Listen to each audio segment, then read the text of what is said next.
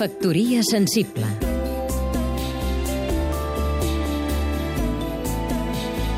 Oleguer Sarsenedes, periodista a més dels sospitosos habituals, caps d'estat i de govern, consellers delegats de grans corporacions, magnats dels mitjans de comunicació, els programadors de l'edició d'enguany del Fòrum Econòmic Mundial de Davos, celebrada aquest mes de gener, van tenir la pensada de convidar persones amb punts de vista radicalment allunyats dels de la majoria dels assistents. Persones que veuen el món i la vida no pas a través d'un punt de mira material, sinó filosòfic i espiritual. Persones que viuen a les antípodes intel·lectuals dels jocs financers i que pensen que viure bé no té absolutament res a veure amb acumular diners ni poder.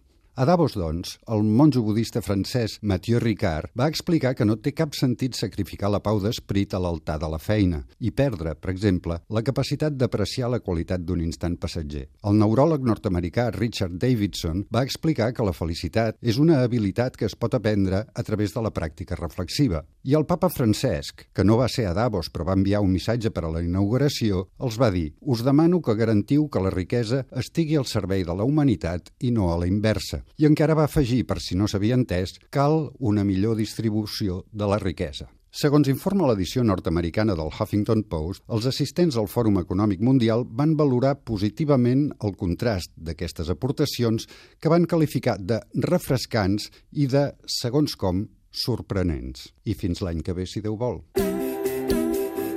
Factoria sensible Seguim-nos també a catradio.cat.